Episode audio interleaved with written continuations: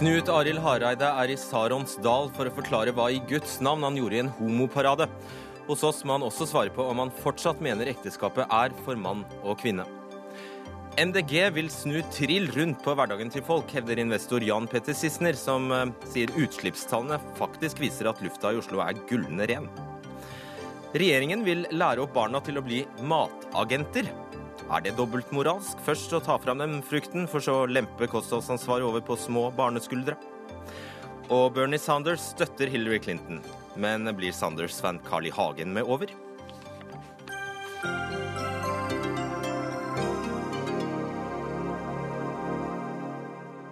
Velsignet tirsdagskveld ønskes seg av Fredrik Solvang. Om drømt en eh, time går Knut Arild Hareide på scenen i Saronsdal i Kvinesdal i Vest-Agder. Der møter han festivalsjef Sten Sørensen, som skal grille KrF-lederen, for at han gikk i Pride-paraden, altså homoparaden, og hva det betyr. Betyr det at han har endret sitt grunnleggende syn på ekteskapet, og kan Sørensen og forsamlingen stole på KrFs familiepolitikk? Knut Arild Hareide, leder i KrF. Hva gjør du der i Saronsdal? Du, jeg er med familien min her. De er på barneleir. Mine to barn de har vært med nå på barneleir to dager, og vi har tre dager igjen. Så har jeg vært her i Sarensdal tidligere, og eh, jeg var i fjor. Jeg har vært der egentlig de fire siste årene, og da har jeg òg holdt en hilsen og blitt intervjua fra scenen. Og det samme ønsket de i år. Eh, og naturlig nok så har den saken som har prega sommerdebatten i Kristen-Norge og eh, skapt en viss oppmerksomhet her. Så når de òg da spurte om de kunne få stille noen spørsmål om det, så sa jeg selvfølgelig ja til det. Ja, og da snakker vi om at du faktisk eh, gikk i Pride-paraden. Og Sørensen, Sten Sørensen anslår at 90% som er der i Saronsdal, er enig med ham og syns det var en tabbe at du i det hele tatt eh, gikk. Du er klar over at denne Pride-paraden er en del av en internasjonal politisk bevegelse, Hareide? Ja, det vet jeg. Eh, samtidig så tror jeg at 2016 og pride eh, Pride-bevegelsens arbeid rundt om hele verden ble endra nettopp pga. det som skjedde i Orlando. Jeg var sjøl i Orlando fordi jeg hadde pappapermisjon sammen med kona mi og mine to barn. Vi opplevde ei fantastisk tid. Kjente på frihet og trygghet. Og bare noen dager etter at vi kommer hjem fra Orlando, så opplever jeg altså at mennesker, 50 stykker, blir drept kun fordi de er lesbiske og homofile. Men, og det ja. var jo noe som jeg tror preger alle. Og det har jo satt sitt preg nettopp på prideparadene verden rundt dette året. Vi så Hillary Clinton var en av de som gikk i paraden i, eh, i USA. Uh, og i likhet med da partilederen i vårt svenske søsterparti, så syns jeg det var viktig nettopp å stille opp mot hatkriminalitet, vold, diskriminering og drap.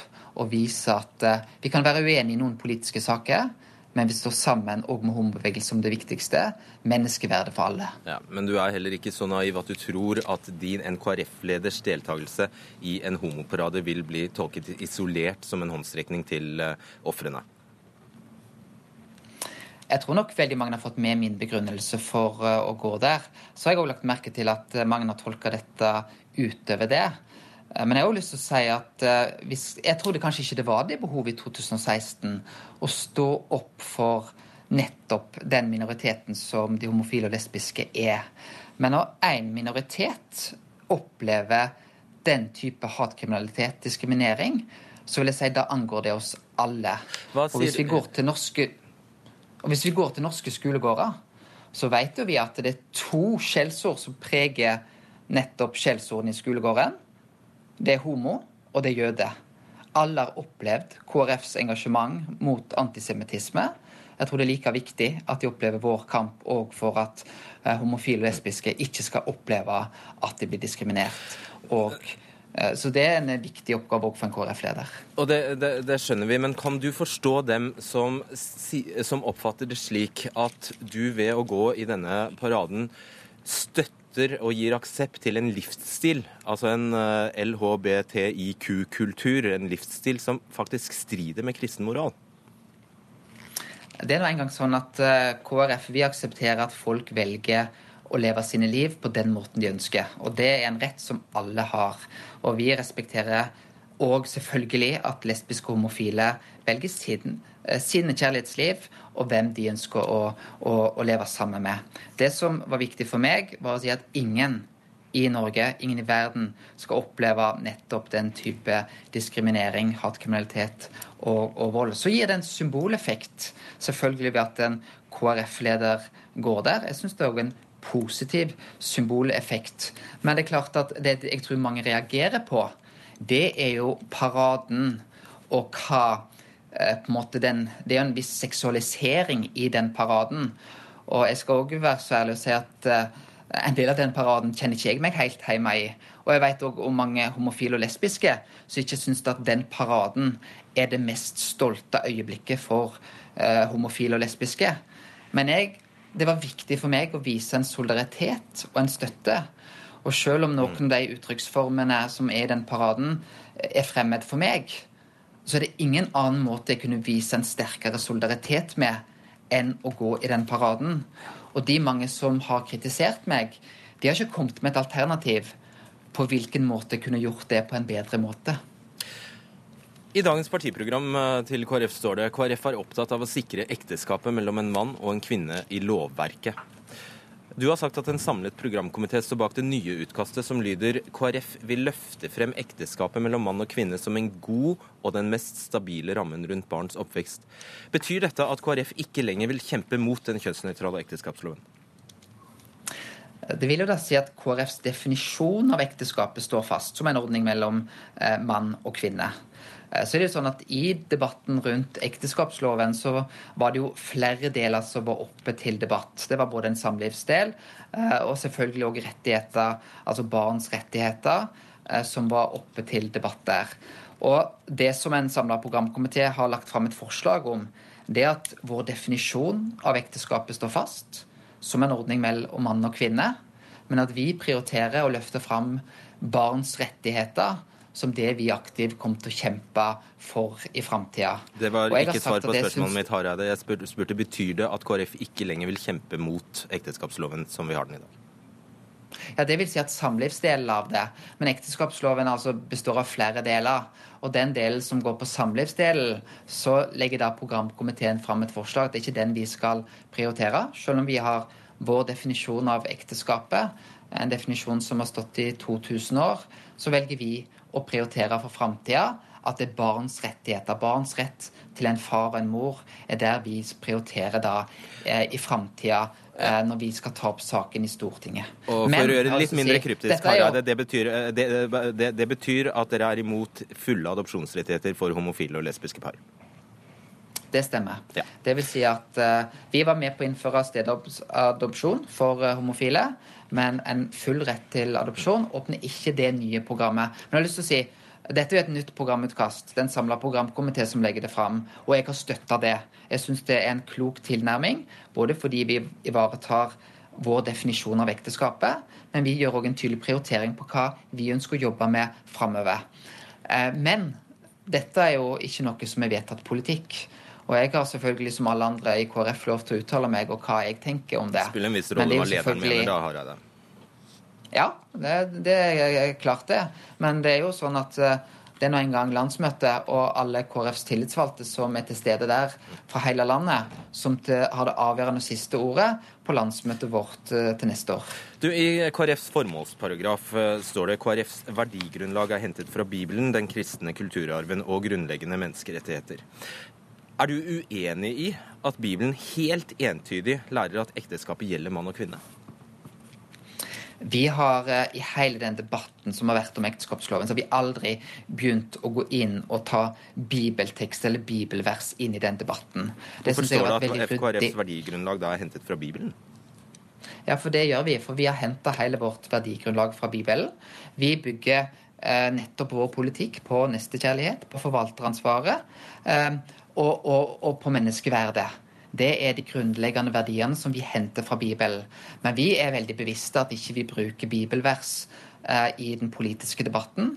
Eh, og rundt ekteskapslovsdebatten som var i 2008, så brukte vi aldri bibelvers for å si at vi var imot den Ok, la meg spørre ekteskapsloven. Vi, vi, vi baserte det på politikk, og for, og for meg er det veldig viktig å si at KrF er et politisk parti. Vi skal ha en politikk for alle mennesker, om de er troende, om de ikke er troende, om de hører til en annen religion. Vi skal ha ordninger, vi skal ha grunnleggende rettigheter for absolutt alle. Ok, Da hopper vi over Bibelen og så går vi til det med kulturarv. Da Finnes det eksempler på, i løpet av den 2000 år lange historien som har skapt vår kristne kulturarv, på at ekteskapet er definert som noe annet enn ekteskapet mellom mann og kvinne? I hvilke land for eks- da, for eksempel? Det er jo ikke tvil om at hvis vi ser på vår eh, det- den tradisjonen som har vært, så har jo ekteskapet i 2000 år vært basert på mellom mann og kvinne. Eh, Og det er en del av den eh, kulturarven som har vært. Og det tror jeg òg de som har kjempa fram likekjønna ekteskap, vil være helt enig i. At hvis vi ser på det historiske blikket, så er det ikke tvil om at ekteskapet historisk sett har vært mellom mann og kvinne. Eh, Så er det andre som har kjempa fram eh, en likekjønna ekteskapslov. Eh, De har vunnet fram i det i Norge og i ganske mange andre land òg, men ser en historisk, så er det ikke tvil om hva det har vært. I programutkastet står det KrF anerkjenner at mennesker tar andre valg for sine liv og respekterer andre former for forpliktende samliv mellom to voksne. Men i setningen etter kommer det ekteskapet er den samlivsformen som legger best til rette for forpliktende samliv. Hva er poenget med disse to setningene når de, dere, altså hva er poenget med den siste setningen hvis dere faktisk anerkjenner at folk får leve som de vil? Jeg tenker det er to veldig viktige ting. Det ene er å si at mennesker er forskjellige. Eh, De er skapt eh, forskjellige. De må få lov til å ta sine valg. Hvorfor skal da Eh, KrF mene noe om hva som er best? Og så er det jo en ting hva KrF mener, det- men det er vel hva forskning har vist. Og det har vist at ekteskap er en veldig stabil ramme rundt familielivet. Det skaper trygghet for barn. Og det er ikke noe KrF mener, men det er hva de som jobber med dette og og forskningen har vist oss. Eh, Og det er ikke noe KrF syns om, men det er bare noen fakta som vi har tatt med inn i vårt partiprogram. Du, Hva er galt med partnerskapsloven, egentlig? Eh, partnerskapsloven er jo en lov som, eh, eh, som eh, har nettopp gitt homofile og lesbiske en trygg ramme rundt deres eh, parforhold. Og eh, eh, det er jo sånn at eh, i dagens program så, så legger jo KrF i realiteten partnerskapsloven til grunn. Eh, og det, eh, Nei, og dere det legger den nye ekteskapsloven til grunn. Eh, Ja, det, Nå snakker du om eventuelt det neste programmet, men det programmet vi har i dag, Ja, okay. så er det jo nettopp eh, partnerskapsloven eh, vi legger til grunn. Det gir den juridiske rammen. Eh, Og så er det sånn at eh, homofile og lesbiske i Norge har opplevd at det gir ikke den samme posisjonen eller samme statusen. og Derfor har det vært viktig for de å kjempe fram ekteskapet. Det har KrF Så da dilter bare KrF etter, da? det, det har KrF vært uenig i når det gjelder samlivsdelen. Eh, Men det er en gang sånn at det er et stort flertall i Norge som nettopp har ønska det. Det er noe som vi må registrere og ta inn over oss, og det er det som legges også til grunn i det nye programmet. Og når dere gjør det- Hareide, da har vi ikke lenger noe parti på Stortinget som kjemper for det ufødte barnets eh, livsrett eller mot kjønnsnøytrale ekteskap. Da finnes ikke det partiet på Stortinget. Ja, det, er jo galt, for vi legger jo til grunn at KrFs definisjon av ekteskapet eh, ligger fast. Og nå blander du for så vidt to saker. Det ene er retten til, til, til eh, liv. Eh, og, og KrF har jo nettopp fremma forslag om at vi skal ha grunnlovsforslag som sier at alle barn skal ha retten til, til liv. Ja, men men, Men, men, da. Mm. eh, ekteskapsloven. Eh, og der er det helt legitimt å si at den delen av ekteskapsloven som da omhandler samliv. Eh, Spørsmålet der skal vi der gå på eventuelt nye omkamper, når det er et stort, stort flertall som har ønska noe annet. Hvis man mener det er rett, så. Jeg registrerer at eh, Og det er to forskjellige ting. Å kjempe mot en lov eller å reversere en lov, med de òg juridiske komplikasjoner det har. Det er mange nå som har inngått nettopp den type ekteskap. Det skal en òg ha respekt for i det politiske.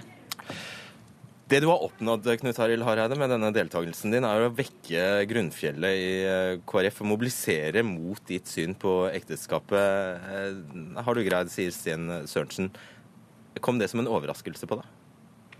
Jeg tror nok reaksjonene har vært sterkere enn jeg hadde forventa.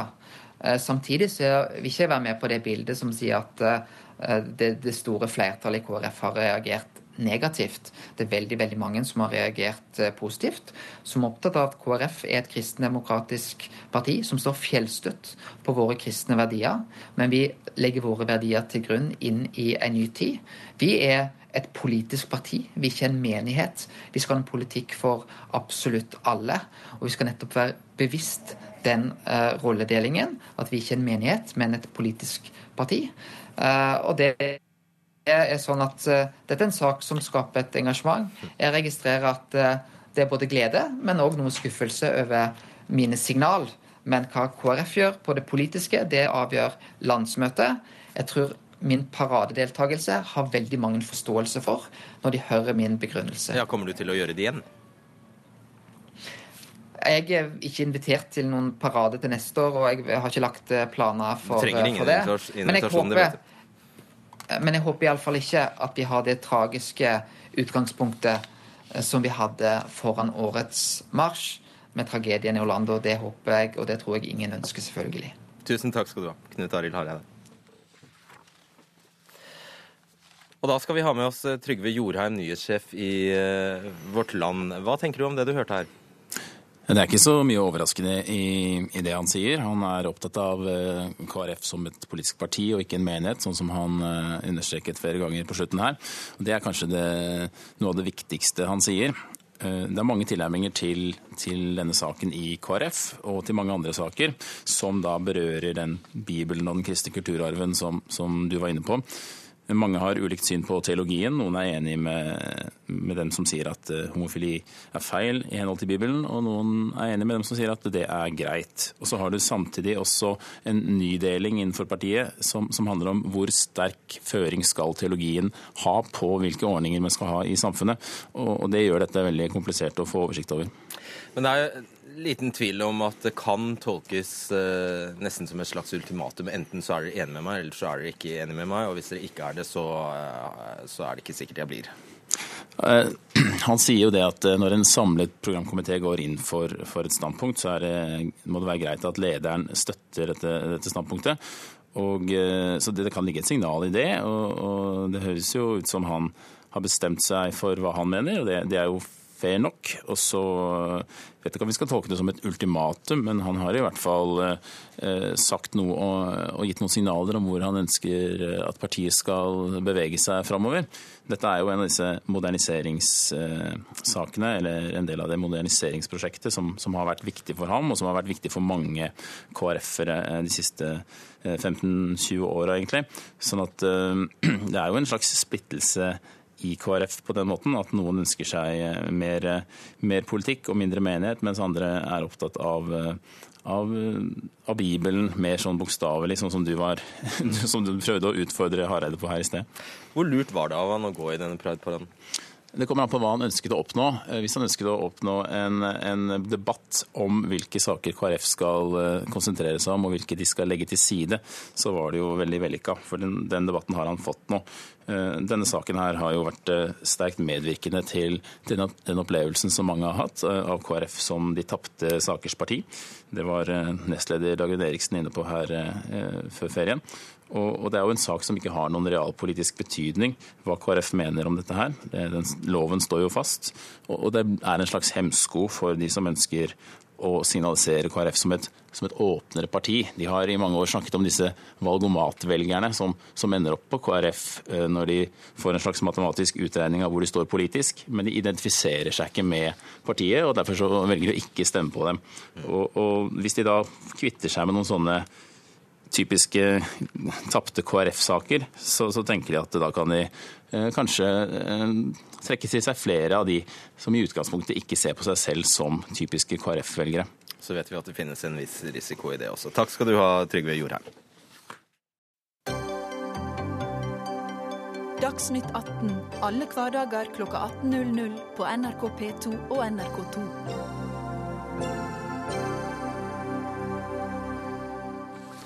Hvor forurenset er egentlig lufta i Oslo?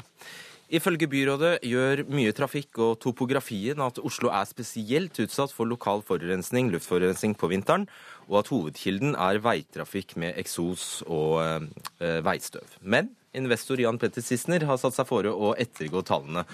Og da mener han å ha funnet at ifølge Miljødirektoratets luftmålinger er Oslo svært lite plaget av svevestøv og eksos.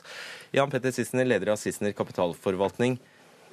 Eh, det er da du faktisk hevder altså, Eller ta oss gjennom. Vi starter der. Hva slags tall er det du har sett på? Jeg, eh, når det er slik at jeg blir, føler at jeg blir plaget og at noen skal endre hverdagen min, så vil jeg gjerne forstå hvorfor. Så vi tok opp ballen for å høre hvor ofte er det egentlig at disse grenseverdiene som Miljødirektoratet har laget, eller som finnes, hvor ofte er det egentlig at de overskrides.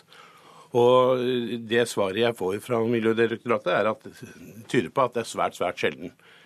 Eh, ser man på svevestøv, så har det skjedd eh, 21 ganger i fjor. Uh, grenseverdien er, tror jeg, som man opererer med, er 30. Dessuten er svevestøv veldig enkelt å løse. Man kan faktisk vaske det bort. Når det gjelder uh, hva heter det, NO2.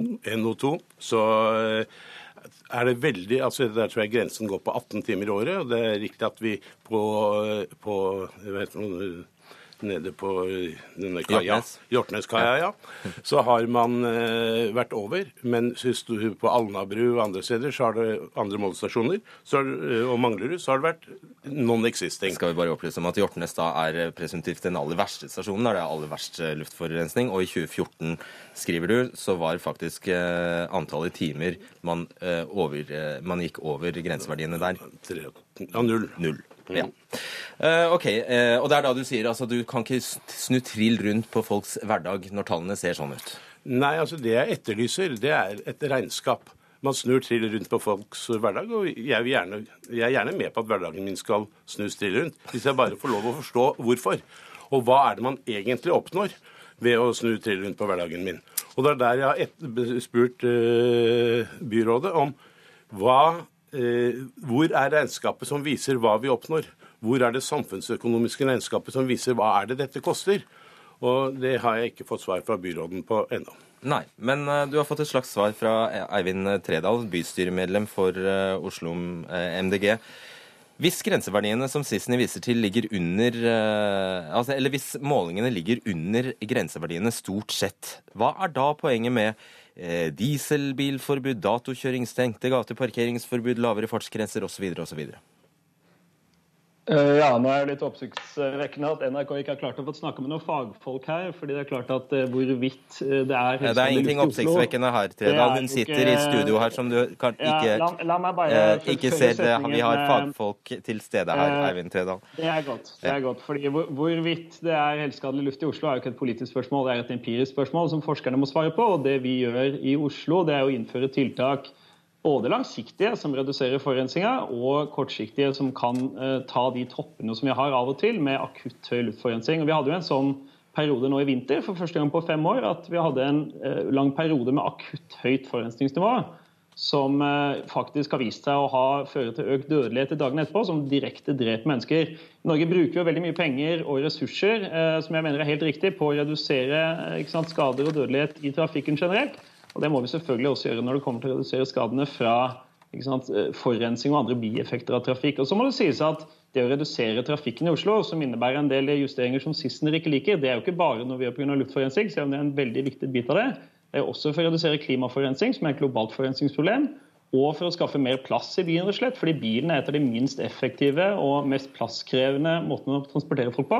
Og så mye som Oslo vokser, så kan vi ikke legge til rette for økt biltrafikk. Tvert imot så ønsker vi å redusere den. Og Det er jo det samme man gjør i mange andre storbyer. London, Paris, Stockholm. Alle mulige andre byer vi liker å sammenligne oss med, så er dette en del av den moderniseringa vi ser.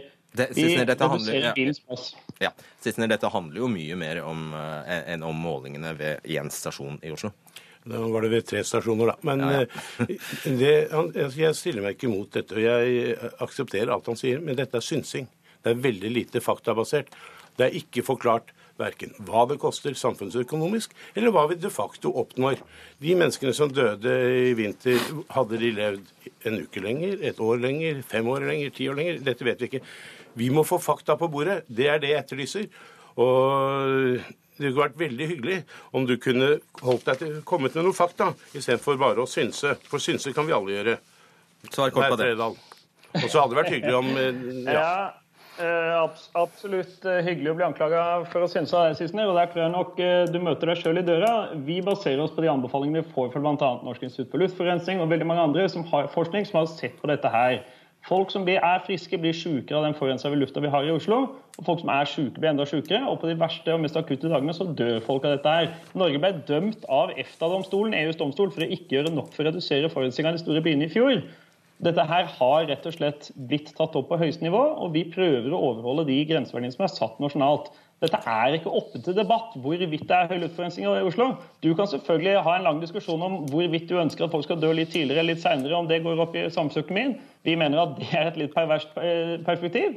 Og at alt tyder på at de som kjører bil i Oslo i dag, egentlig betaler for lite for den forurensninga de faktisk skaper for resten av byen. Okay. Du har fremdeles ikke fortalt meg hva du oppnår ved de tiltakene du har ut med. Nei, stopp, stopp, stopp. Vi må ha inn den fagpersonen du etterlyser, eh, Tredal. Det er Leonor Tarazon. Du er forskningsdirektør for eh, Norsk institutt for luftforskning. Avklar dette her. Altså, det er en tre-fire konkrete eksempler med målinger som Sissener tar opp i, eh, i kronikken sin.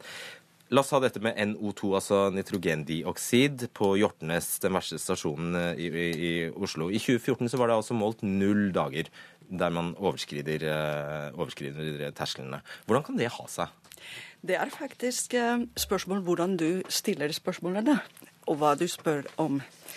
Det er to typer type grenseverdier vi har. Og det er årsverdiene den som er den, den langsiktige type eksponering som, som, gjør folk til å ha astma og problemer, det er den årsverdien som det ble ikke spurt om. Og så har vi en timesverdi med de høye pikkverdiene, som kan være skadelige, men som er vært en indikasjon. Og Det som var problemet, det var at eh, spørsmål som ble stilt til Miljødirektoratet, som er dyktige og vet hva de svarer på, var eh, på hvor mange ganger i løpet av året blir disse timeverdiene overskredet, eller eh, overskridelser, istedenfor å snakke med årsverdiene, som er de som faktisk er problemet i Oslo. Og da snakker man om Det som er viktig da, er snittet ikke sant? Det er I løpet av et år. Og det er snittet over, i løpet av et år, hvor vi ser at over hele Oslo så har vi overskridelser. Vi har hatt den siden 2003, og vi går ikke ned. Det, la meg ta, ta, det med snittet først som sist. Altså, Der er det satt en uh, grense på åtte timer i løpet av et helt uh, år på på nitrogendioksid. Nei, nei, nei, nei. Stemmer det? Nei, det stemmer ikke. Nei, okay. Det stemmer ikke. Forklar. Det, det vil jeg si det er at eh, for hele året så må vi ikke overskride 40 mikrogram per kubikkmeter. Og det overskrider i de fleste stasjonene. Og det er noe som vi ser at andre by i, eh, i Norge har klart å redusere. Mens i Oslo, så pga. vår vekst, fortsetter vi å overskride hvert år. Det som er de 18 timene som det skal ikke gå over, det er disse 18 timene som faktisk det var 2014, og i 2008 har vi ikke hatt overskridelser. Det er de to år hvor vi har ikke det, hatt den. Er det unntak, eller hvordan? Det er unntak. Alle de andre årene vi har hatt, det er meteorologiske forhold som gjør det. Og det er eh, helt riktig de tallene, men det er en variasjon i, fra år til år. Og disse overskridelsene er bare timeverdiene. De som faktisk er et problem, det er årsverdiene. Ok, Sissene, Skjønte du noe av dette? Ja, jeg skjønner at uh, det å spørre om timeverdier i den grensen, det har jeg fått svar på. Og ja, det er riktig at det var 14, men det var faktisk slik at på, på Manglerud i 2015 så var det hele én overskridelse. Uh, det, er ikke det, jeg etterlyst, det, det er ikke det jeg har etterlyst. Det jeg har etterlyst, hva oppnår vi? Jeg gjentar spørsmålet igjen. Hva oppnår vi ved å redusere bilgjennomtrafikken i Oslo? 7000 biler cirka kommer til Oslo hver dag med folk som skal arbeide. Hva oppnår vi ved å redusere det? Kan vi få se regnskapet? Det jeg vil si, det er at Oslo kommune har gjort en god jobb. De har bedt om rapporter som viser hvordan blir situasjonen i 2020. Hva er det vi forventer hvis vi har en bilpark som utvikler seg som, som blir renovert, og vi har mer elektriske biler, og vi har nyere biler kommer inn, hybrider kommer inn. Så vi ser at situasjonen faktisk forbedrer seg vesentlig fra dagens situasjon til 2020. Og vi har en veldig klar tiltakspakke med en vurdering fra Transportøkonomisk institutt som viser til dette. Rapporten eksisterer. Det er kanskje ikke så veldig allmennkjent, men dette er blitt gjort, og det er basis for uh, mye av den diskusjonen som Oslo kommune har nå begynt. Men likevel, eh, Tredal, kunne det ikke være en, mm. kunne ikke være en idé å sette ned et panel av eksperter som helt uavhengig vurderte miljøpolitikken? Det finnes veldig mange forskjellige studier av de økonomiske gevinstene ved å føre den politikken vi fører. Det finnes studier av det å redusere biltrafikken i byen som viser at næringslivet får det mye bedre når flere går og sykler i gatene. Det finnes studier som viser at det er enorme samfunnsmessige tap ved å ha de helseplagene vi har på forurensning. Og det finnes studier som viser at bensinavgiften i teorien burde vært mye høyere, eller i hvert fall prisen for å kjøre bil, gitt de økonomiske skadene de påfører byen, både i form av slitasje, forurensning og andre ting. Alle de kan selvfølgelig settes sammen. Det Sissener spesifikt ba om, det var en studie som skulle se på effekten av å sette Norge tilbake til 1950, eller Oslo tilbake til 1950. Akkurat den studien kommer ikke byrådet, tror jeg, til å utforme. Men det kommer kanskje til å synliggjøre enda bedre alle de fantastiske gevinstene det er av å redusere bilens plass i byen og gi andre bedre plass. Det er viktig å huske på at flertallet i Oslo faktisk ikke har bil. Og det visste du, Sissener, den eh, undersøkelsen. Der kom det ikke til å Det, det visste jeg, men jeg skulle gjerne sett det regnskap på hvordan redusert mobilitet for den enkelte i Oslo slår ut. Ok, jeg tror vi setter strek der, og så tror jeg vi konkluderer med at dette er, det er vanskelige saker. Dette med målinger og, Ja, og så ja, osv. Takk skal dere ha. Jan Petter Sissener, Leonor Tarazan og Eivind Tredal.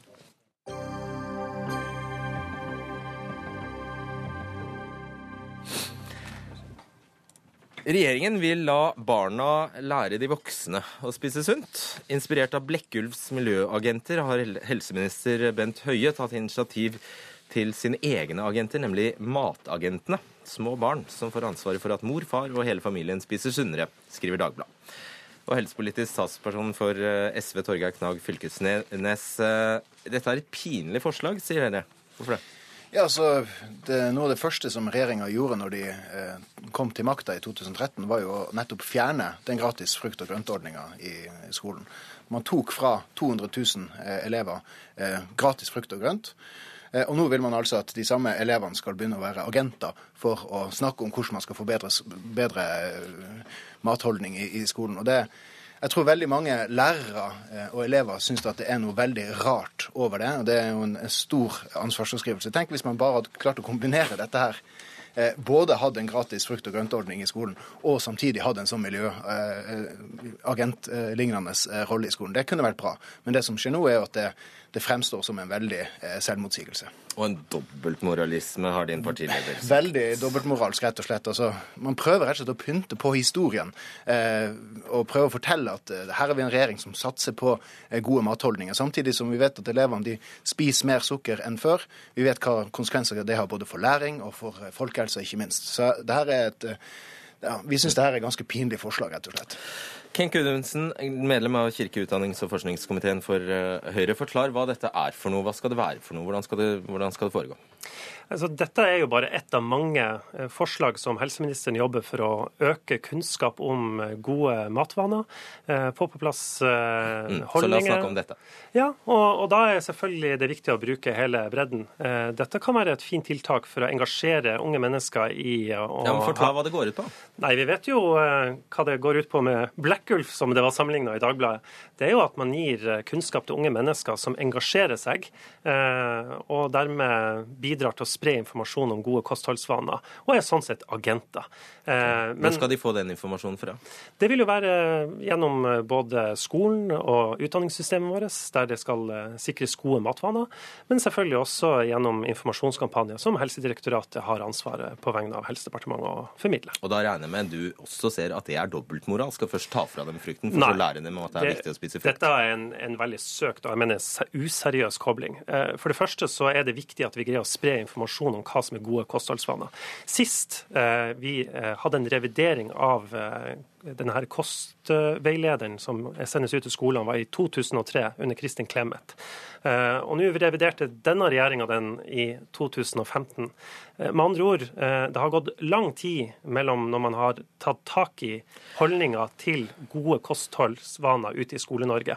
Og Det her er faktisk ganske viktig å ha fokus på, for undersøkelser viser jo at i dag så er det bare 55 ut av ungene våre på barnetrinnet som har 20 minutters matpause, og kun 40% på ungdomsskoletrinnet. Og Det viser jo at vi har en vei å gå for å få på plass både gode rammer for måltidet, men også gode holdninger til hva som er sunne måltid. Eh, jeg har skjønt det sånn at dette skal være et samarbeidsprosjekt mellom staten, da, eller direktoratet, og Tine og EAT, stemmer det? Ja, eh, dette er jo viktig at vi får flere parter med på. På samme måte som man har eh, i det store bildet jobba med eh, andre matvareaktører. Få ned saltinnhold, sukkerinnhold. Sånn at maten som vi spiser i Norge, er med på å gjøre at vi får bedre helse. Og Hva er galt med det, Knag Fylkesnes, at barna fra de er små får lojalitet til Tine-konsernet? det, er jo, det er jo positivt, det. Tine er en veldig viktig aktør i, i Norge. Men eh, det er jo, dette er jo bare en del av en holdningskampanje som regjeringa kjører. Vi vet at den har litt verdi, men begrensa verdi. Men det ene store tiltak som vi, som vi vet hadde stor verdi eh, for norsk skole, som påvirka hvor mye sukker, eh, sjokolade og brus barna spiste, det var gratis frukt i skolen. Og vi vet også at Ja, Men har du ikke et til argument? Er det, aller, er det det eneste argumentet du har? Eh, det er jo vel et hav av argumenter rundt det. Altså For det første, det reduserer eh, sukkerinnholdet. Det øker læringa. Eh, det gjør at eh, vi rett og slett får bedre folkehelse. Altså, dette er jo, hvis, hvis, man er veldig opptatt av statsbudsjettet, hvis man er veldig opptatt av å prioritere og bruke penger der det virkelig har stor effekt, så vil jo dette være et lite tiltak, koste lite penger, eh, der vi får kjempestore verdier for samfunnet som helhet. Eh, og da er det for dumt, rett og slett, at man fjerner den.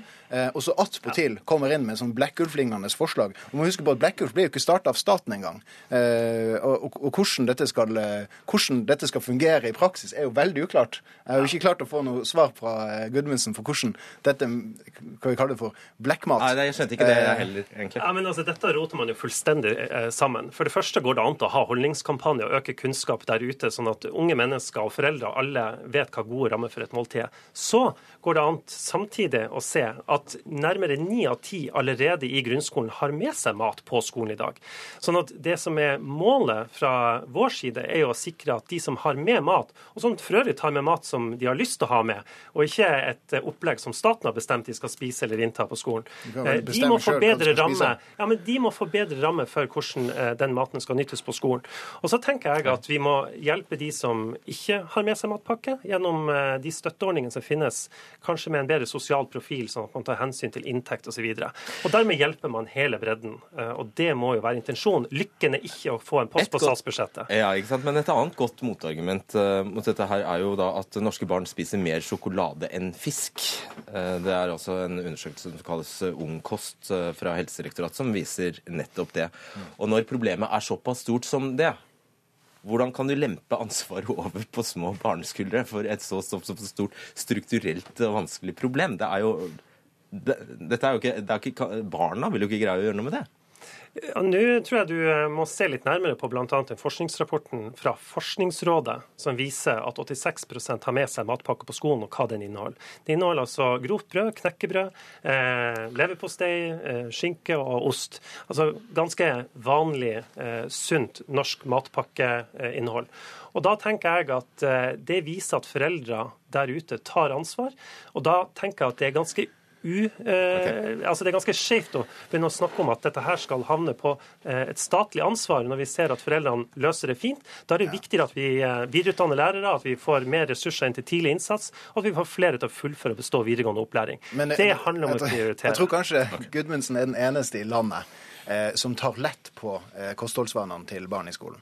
Eh, Helsedirektoratet sjøl eh, og Helsedepartementet sjøl har sagt at det er et stort problem eh, at kostholdsvanene i skolen er så dårlige sånn som i dag.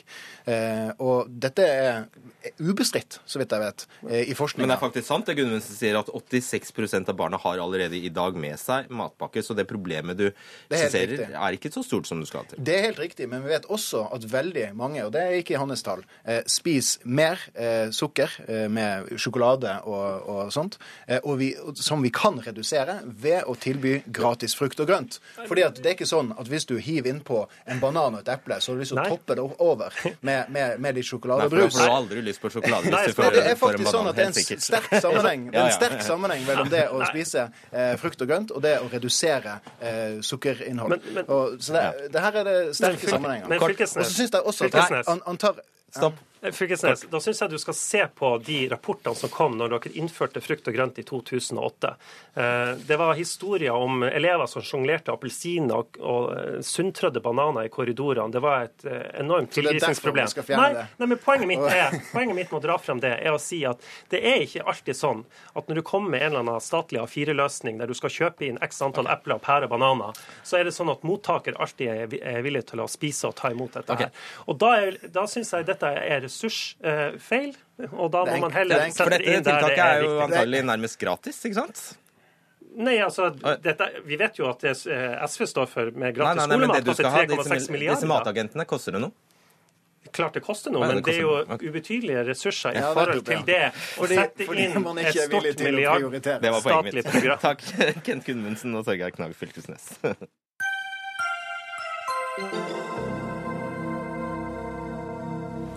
Bernie Sanders har i dag gitt sin støtte til Hillary Clinton. Han deltok på et arrangement i New Hampshire i dag hvor han ga sin formelle støtte til- Clintons presidentkandidatur. Og nå vil han være med å slå Donald Trump i november.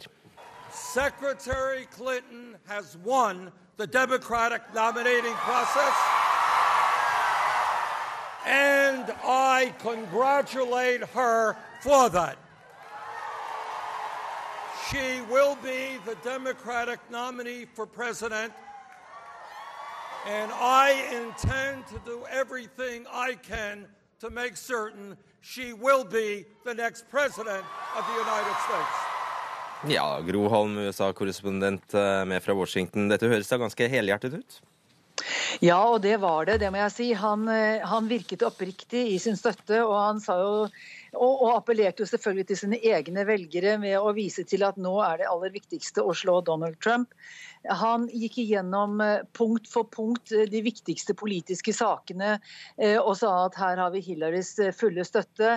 Han refererte til, som han har gjort mange ganger i valgkampen, at hun forstår at vi må fikse den økonomien som gjør at 1% får mer enn resten her i landet. Og i det hele tatt, det var, Han var så entusiastisk som Bernie Sanders har vært gjennom valgkampen, sånn slik vi har sett ham. Mm, så han hoppet kanskje elegant over at han har eh, sagt at Clinton ikke er kvalifisert til å være president? Ja, i en stund som denne så er den slags formuleringer glemt. Uh, og, men, men det er klart at det, det var jo noen i salen, uh, Sanders-tilhengere, som uh, marsjerte ut da, da han erklærte sin støtte formelt. Eh, så ikke alle er lykkelige med denne løsningen. Ja, hva vet man om de, i hvilken grad Sanders-tilhengerne blir med over?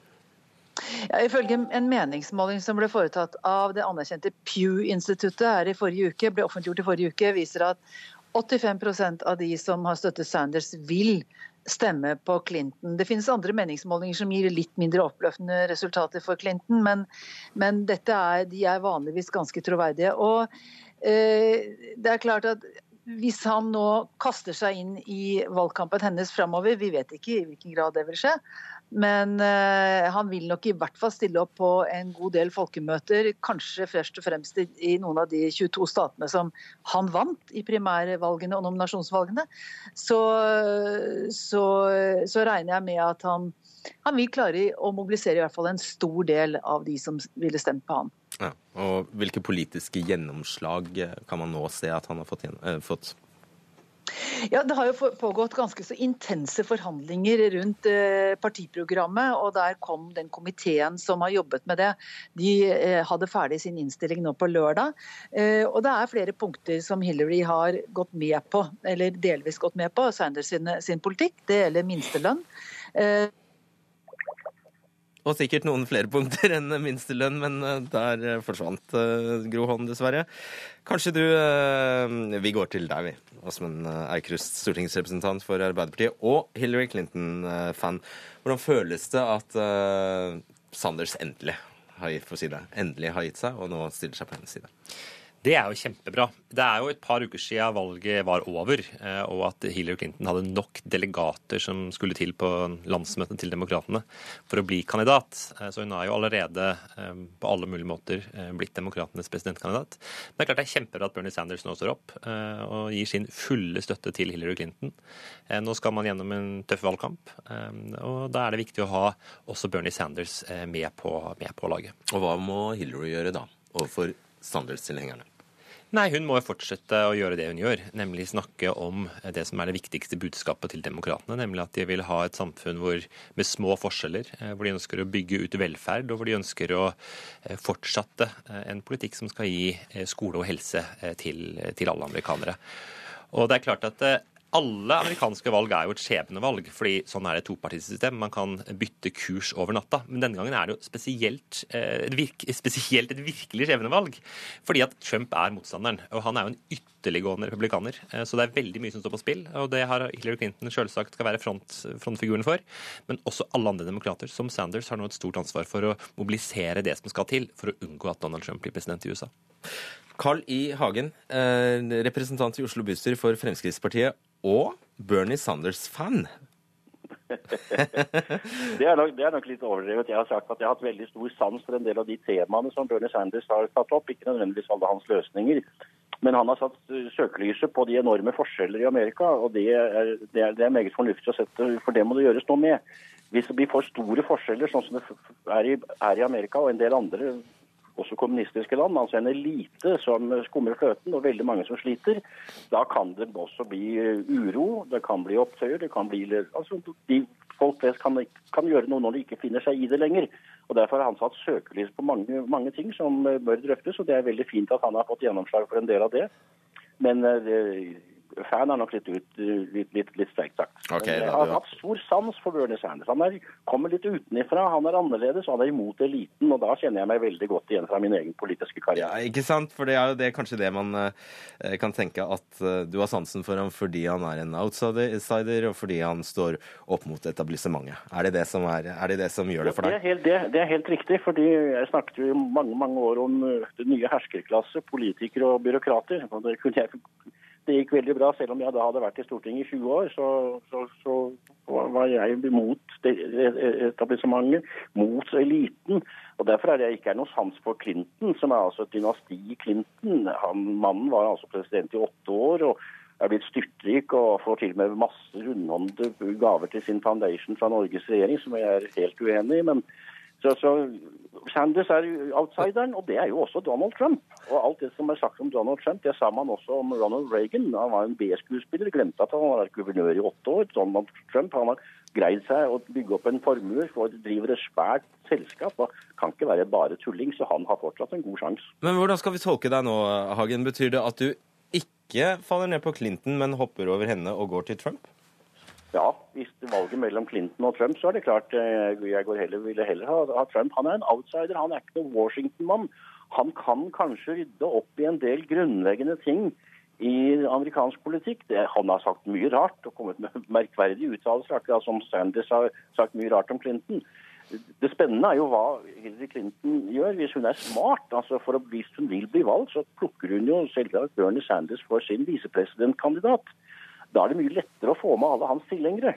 Eh, og det er, jo, det er, jo, presidenten som har makten, ikke visepresidenten. Så det hadde vært det smarteste trekket hun kunne gjøre. Men i, i, dette valget ville jeg gå for Donald Trump for å håpe at noen kunne kanskje komme med friske, nye tanker og ha litt, ha, ha litt erfaring fra næringslivet mm. og det å skape verdier og gjøre ting. Eh, så, så, jeg velger da ja, mellom disse to Trump. Det er jo ikke usannsynlig, Aukrust, at eh, flere amerikanere tenker som Carl I. Hagen? Jeg tror det er veldig få amerikanere som tenker som Carl I. Hagen i dette spørsmålet. Vi hørte jo nå fra Gro Holm at det er over 80% av Sanders-tilhengerne som allerede går for eh, Clinton. Det er nok ganske få av de som Ganske mange unge, ganske mange unge studenter eh, som har gått for Sanders, eh, som kommer til å gå på for Trump. Trump. Så viser jo Carl I. Hagen det Carl I. Hagen sier, er jo at han måte, er mest opptatt av politikk som et sport og spill, hvor det er nærmest sånn at hvis du provoserer litt, uansett hvilken retning, så er det fint. For det er klart, Bernie Sanders og Trump står jo for totalt motsatte syn. Både Sanders Sanders og Clinton ønsker å fortsatt ha et relativt høyt skattenivå for å bruke penger på helse og velferd. De ønsker at USA skal være en mer ambisiøs klimanasjon, der Trump står for det motsatte. Og ikke minst så handler dette spørsmålet om mangfold, hvor Trump har sagt at han ikke ønsker muslimer velkommen til USA, ønsker å kaste ut alle innvandrere, og at han ønsker å bygge opp en mur mot Mexico. Det er klart det er jo totalt motsatte av hva eh, både eh, Hillary Clinton og Bernie Sanders står for. Så det er ingen logikk i at eh, man går fra Sanders til Clinton, og det ser vi også, nei, fra Sanders til Trump. Og det ser vi også at heldigvis det er få amerikanere som gjør. Hagen. Ja, Det er altfor tidlig å si. Det er nå valgkampen mellom Trump og Clinton begynner. Og det er klart, både Clinton og Trump har gjort det de må gjøre for å bli nominert. Det er helt vanlig i amerikansk politikk. Man er på ytre høyre for å bli nominert, og så er det full fart inn i sentrum etterpå. Og det samme demokratene, ganske langt ute på venstresiden for å bli nominert, og det har Clinton også blitt presset til. Nå begynner valgkampen mellom de to, og da tror jeg faktisk at eh, Trump kommer til å redusere det antallet av Sanders-tilhengere som for øyeblikket sier det går for Clinton. Fordi personen er jo mye viktigere i Amerika enn, i, enn, enn det f.eks. i Norge. Og partiprogrammet er mindre viktig i Amerika enn det er i Norge, hvor partiprogrammet er helt avgjørende. Så det er veldig store forskjeller. Så Hvem vinner av, hvem vinner av Hagen? Jeg tror at Trump kommer til å vinne. Jeg tror han kommer til å være smart å gjøre. Men han kan komme med enda flere dumme uttalelser, som min motdebattant har nevnt noen av det, det, kan, det, kan, skje. Og det kan også skje at, at, at, Clinton, at det kommer opp nye ting fra, fra, fra Clintons skal vi si, karriere, som også kan være skadeliggende. Jeg må få til å si Det beste jeg kan si om Hillary Clinton, er at hun er født på samme dag som min kone. ok. Morsom fun fact. Aukrust til slutt. Hvem vinner?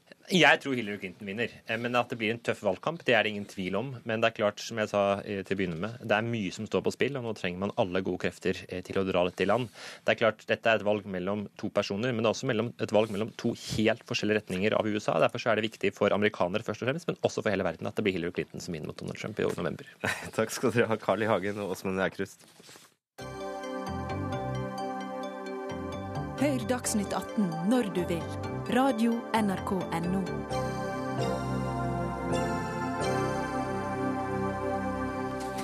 I slutten av juni delte Forskningsrådet ut 103,5 millioner kroner til forskningsprosjekter gjennom SAMKUL, et av eh, Forskningsrådets programmer for humanoira og samfunnsfag. Over halvparten av søknadene kom fra kvinner, og ikke nok med det, over halvparten av de beste søknadene kom fra kvinner. Men hva skjedde? Jo, bare fire av elleve kvinner fikk penger, altså kun 36% Det fikk deg, Jill Walker Retteberg, professor i digital kultur ved Universitetet i Bergen, til å skrive en kronikk i Aftenposten i dag. Og vi skal gjøre oppmerksom på at ditt prosjekt var et av dem som ikke fikk støtte. Så du, du er egentlig bare snurt. det handler ikke om mitt prosjekt. Da jeg um, kontaktet Forskningsrådet for å få høre litt mer om avslaget, så spurte jeg også om kjønnstallene. Og det var da jeg virkelig ble sjokkert. For altså, at ett prosjekt får avslag Det er ikke godt å si akkurat hva som skjedde der, men når du ser tallene for helheten, da er det helt klart at her har noe skjedd som er galt. Her har ikke Forskningsrådet fulgt sin egen policy om at man ønsker kjønnsbalanse i forskningsledelse. Men det er jo veldig små tall vi snakker om. Vi snakker jo altså om, eh, snakker altså om fire av elleve tilslag. Veldig skrint tallgrunnlag. Det er ikke bare i år, ser du. Det samme skjedde ved forrige utdeling i 2013. Faktisk var det enda verre da. Det var også flere enn halvparten kvinnelige søkere. Og likevel var det bare to av åtte av de som fikk tildelte midler, som var kvinner. Så her syns jeg vi ser en systematisk forfordeling av menn, og det er ganske problematisk. For da får vi en ensrettet forskning, og vi får også, eh, altså det blir også vanskeligere for kvinner å nå opp. Det blir særlig vanskelig for oss kvinner når vi også vet at vi har dårligere odds enn mennene for mm. å faktisk få forskningsstøtte. For å høre da med den ansvarlige Jesper Verdelin Simonsen, fungerende direktør i Forskningsrådet hvis det er som Retteberg hevder her, så kan det vel ikke være sånn?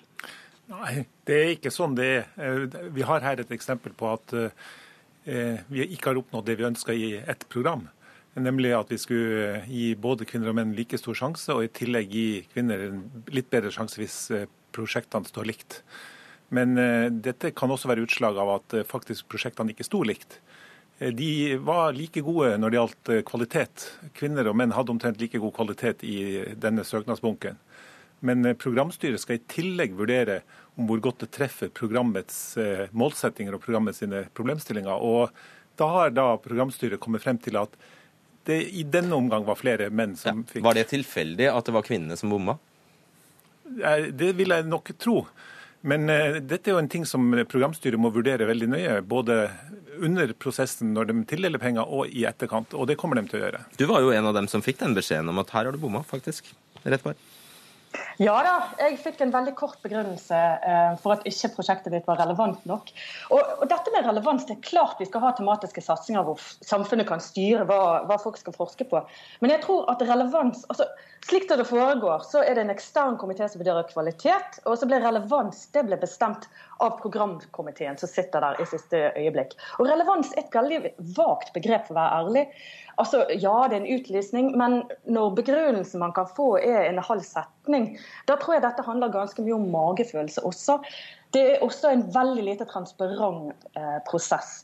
Når det ved to utdelinger ble så stor forfordeling av menn til, på bekostning av kvinner, så tror jeg at her handler det om ubevisst fordommer. Det, kaller, eh, det som kalles implicit bias på engelsk. Og dette finnes det enormt mye forskning Å, vi har problemer med teknikken i dag. Vi, eh, vi ringer opp uh, Jill Walker eh, Retteberget og, og hører i mellomtiden med deg, eh, Jesper Simonsen.